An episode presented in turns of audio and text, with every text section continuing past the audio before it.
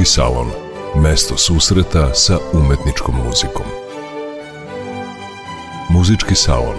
Priče o klasičnoj muzici. Muzički salon. Poštovani slušaoci, ljubitelji umetničke muzike, dobrodošli u prvo izdanje emisije Muzički salon u novoj sezoni na prvom programu Radio Novog Sada.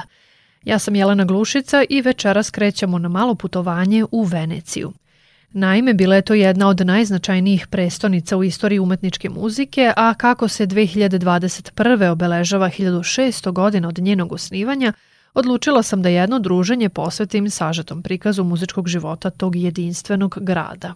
Počev od pesme Gondoliera koja se može čuti u bajkovitim kanalima Venecijanske lagune, preko luksuznih salona gradske vlastele i fantastične akustike crkve Svetog Marka – i vrhunskih koncerata u venecijanskim sirotištima, pa sve do raskošnih operskih predstava u mnogim venecijanskim pozorištima, Venecija je vekovima bila mesto gde se stvarala i izvodila najbolja muzika na starom kontinentu. Bogatu Venecijansku republiku zato su ne bez dobrog razloga prozvali muzičkom republikom, a o tome svedoči i zapis jednog nepoznatog francuskog putnika iz 17. veka koji glasi – U svakom domu neko svira instrument ili peva. Muzika je svuda. Zna se da je muzička tradicija Venecije stara gotovo koliko i sam grad. Ne postoji muzički žanr koji nije negovan u Veneciji. Mnogi muzičari su dolazili baš tamo da unaprede svoju karijeru poput Vivaldija ili Monteverdija, dok su drugi dolazili da upiju njen bogat muzički život poput flamanskih majstora iz vremena visoke renesanse i vekovima kasnije umetnici su hrlili u italijanske gradove pa i Veneciju da nauče tajne najvećih majstora koji su tamo stvarali. Kompozitori romantizma naročito su u svojim opusima negovali manje instrumentalne komade koji su većinom bili pisani za klavir. To su komadi pretežno lirskog karaktera, a mnogi od njih se odlikuju melodikom vokalnog tipa, na šta mogu ukazivati sami njihovi nazivi, poput pesama bez reči. Taj termin se prvi put javlja kod Feliksa Mendelsona, a nekoliko takvih komada nosi naziv venecijanska gondolijerska pesma, što se može povezati i sa barkarolom, što u prevodu znači pesma na barci. Takve kompozicije su obično umerenog tempa, najčešće u taktu 6 osmina ili 12 osmina, a u pratnji se rado primenjuju figure koje treba da prikažu talasanje. Te klavirske minijature romantičara svakako su najlepši omaž venecijanskoj muzičkoj tradiciji. Pijanistkinja Ljuba Edlina izvodi venecijansku gondolirsku pesmu Feliksa Mendelsona.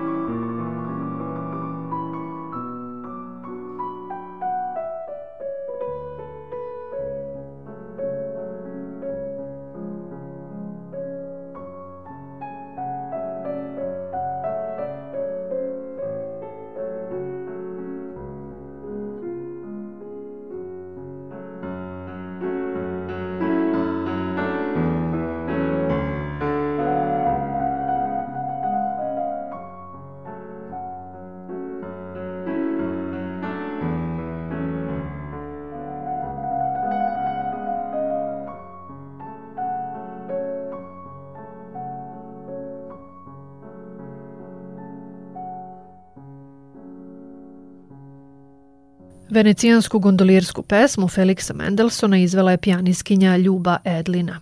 Emisija Muzički salon posvećena je Veneciji kao jednom od najznačajnijih centara u muzičkoj istoriji, a povodom velikog jubileja 1600. godišnjice od osnivanja tog grada.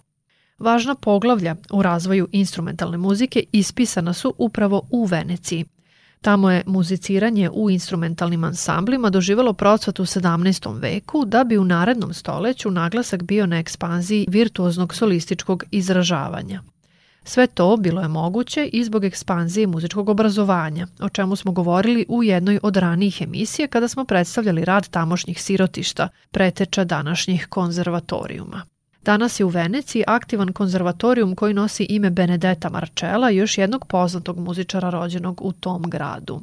Studije na tom konzervatorijumu završili su istaknuti italijanski umetnici poput dirigenta Giuseppe Asinopolija, kompozitora Ermana Wolf Ferrarija ili recimo soprana Toti Dal Monte. Nešto stariji savremenik Benedetta Marcella, kompozitora koji se tokom života uspešno bavio muzikom i pravom, jedan od najpoznatijih predstavnika barokne epohe, bio je Tomaso Albinoni. Rođen je u bogatoj venecijanskoj porodici, njegov otac Antonio bio je trgovac papirom.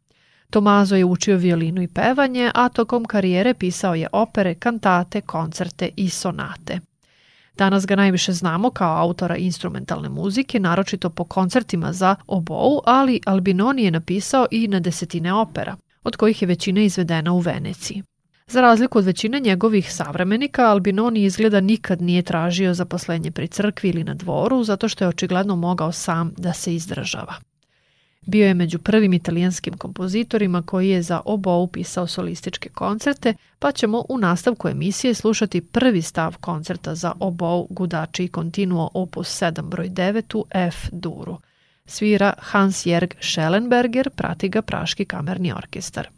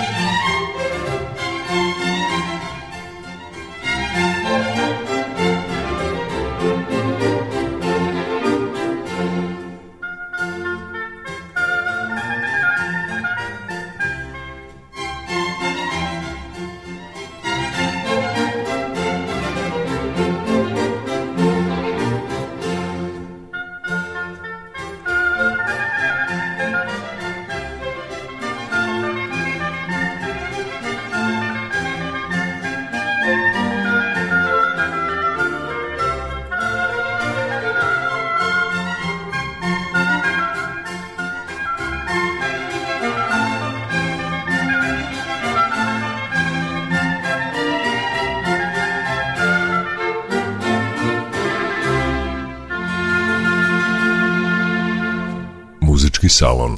Mesto susreta sa umetničkom muzikom. Bio je ovo prvi stav koncerta za obou gudači i kontinuo opus 7 broj 9 u F-duru Tomaza Albinonija. Izveli su ga obojista Hans-Jörg Schellenberger i Praški kamerni orkestar.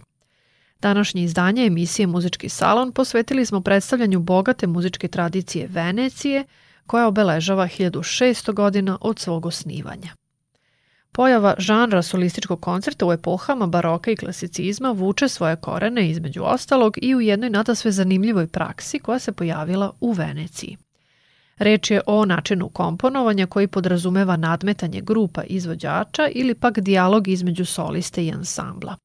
U Veneciji je to imalo i tekako veze sa jednom drugom umetnošću, arhitekturom.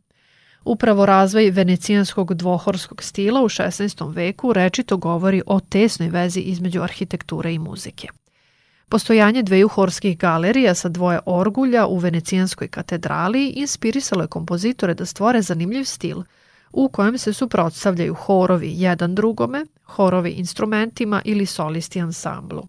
Tako je nastala osnova koncertantnog dijaloškog odnosa među izvođačima, što će kasnije dovesti do pojave niza žanrova, pre svega koncerta grosa i solističkog koncerta. Najistaknutiji predstavnici venecijanskog dvohorskog stila bili su Adrian Villard, flamanski muzičar koji je živeo i stvarao u Veneciji, ali i Andrea i Giovanni Gabrieli. Vrhunac razvoja ovog stila vezuje se za 80. i 90. godine 16. veka kada je u crkvi Svetog Marka na poziciji glavnog kompozitora i orguljaša bio Giovanni Gabrieli, dok je čuveni muzički teoretičar Giosefo Carlino bio maestro di capella. Toliko je bila interesantna ova pojava da su u Veneciju dolazili muzičari iz čitave Evrope ne bili slušali tu divnu muziku. Sada ćemo u izvođenju ansambla Simpoziju muzikum čuti jednu kompoziciju Giovannije Gabrielija u kojoj se čuje dijalog među instrumentalnim grupama.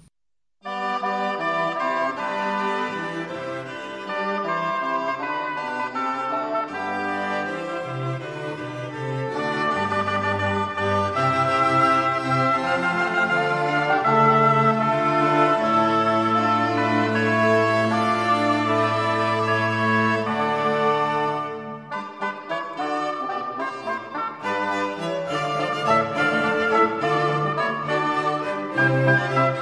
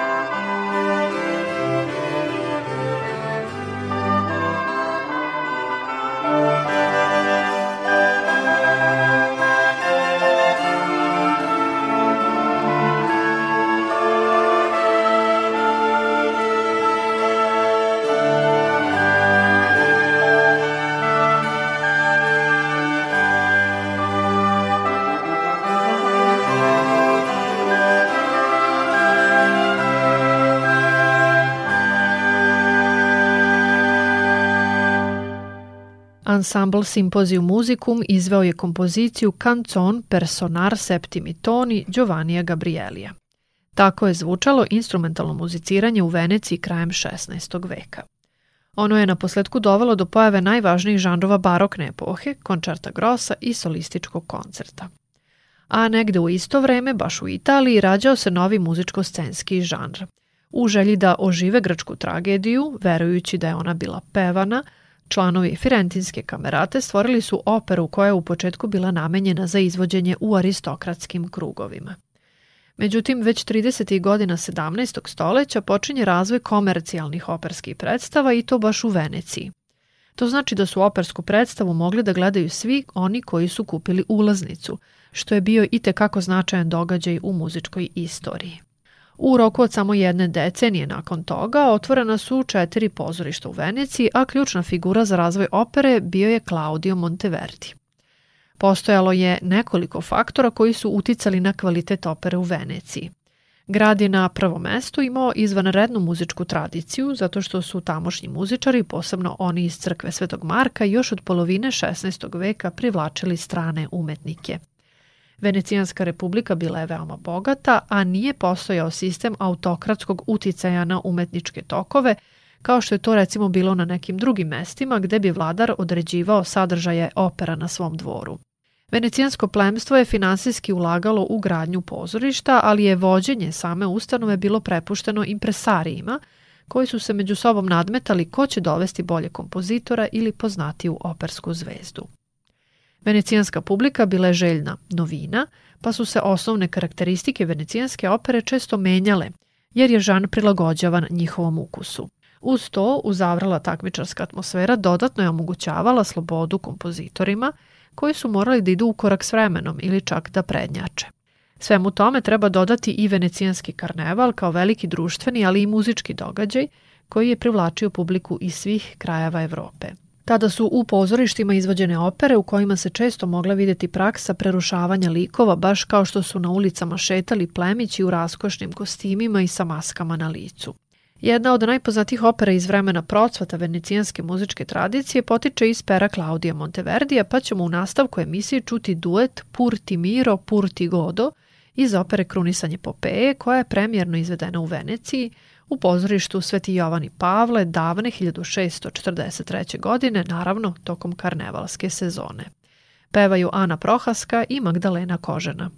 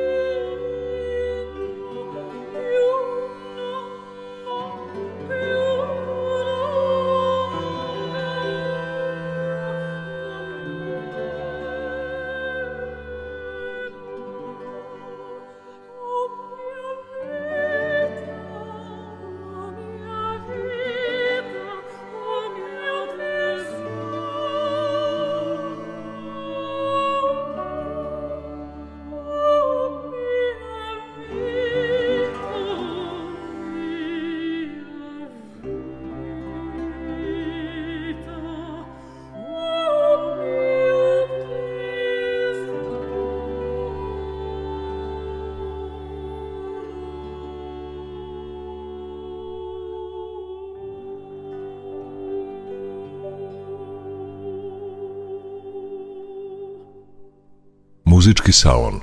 Priče o klasičnoj muzici. Sopran Ana Prohaska i mecosopran Magdalena Kožena izvele su duet Purti Miro, Purti Godo iz opere Krunisanje Popeje Klaudija Monteverdija koja je 1643. prvi put prikazana na sceni pozorišta Sveti Jovan i Pavle u Veneciji. A u svetu operske umetnosti ostajemo do kraja emisije koju smo posvetili Veneciji kao jednom od najznačajnijih muzičkih centara u istoriji. Kada govorimo o važnim muzičkim ustanovama u tom gradu, tada ne možemo da ne spomenemo pozorište La Fenice, koje je u 19. veku bilo mesto premijernog izvođenja najlepših operskih dela najpoznatijih kompozitora ere italijanskog belkanta, Rossinija, Bellinija, Donizetija i Verdija. Sam naziv teatra, koji u prevodu znači Feniks, odnosi se na tamnu stranu njegove istorije. Naime, zgrada pozorišta tri puta je gorela, a poslednji incident desio se 1996. godine.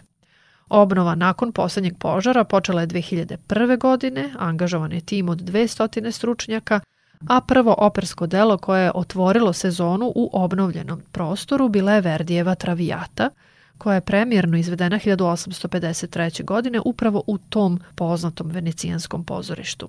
Osim Travijate, venecijanska publika imala je priliku prva da vidi i druga majstorova ostvarenja kao što su Rigoletto ili Simon Boccanegra. To svakako čini ovaj grad jednim od najvažnijih na muzičkoj mapi Evrope. Od dve Belinijeve opere koje su prvi put prikazane na sceni venecijanskog pozorišta La Fenice posebno se izdvaja svakako najpoznatija ljubavna priča poreklom iz Italije, ona o Romeu i Juliji i to u delu Monteki i Capuletti. Za kraj današnje emisije slušamo ariju Julije o Quante Volte iz te Belinijeve opere u izvođenju soprana Ane Netrepko. Nadamo se da ste uživali u izboru muzike, a Veneciji kao muzičkoj prestonici vratit ćemo se sasvim sigurno u jednom od narednih izdanja muzičkog salona. Do tada ostanite i dalje uz prvi program Radio Novog Sada.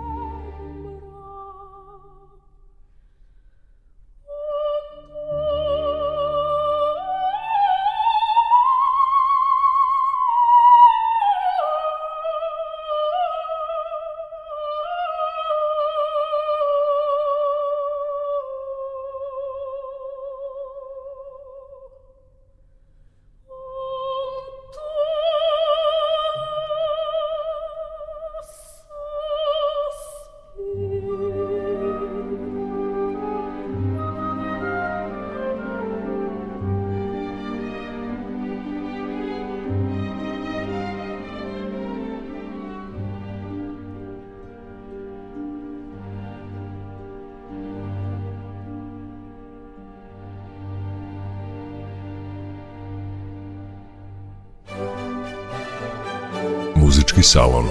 Mesto susreta sa umetničkom muzikom. Muzički salon. Priče o klasičnoj muzici. Muzički salon.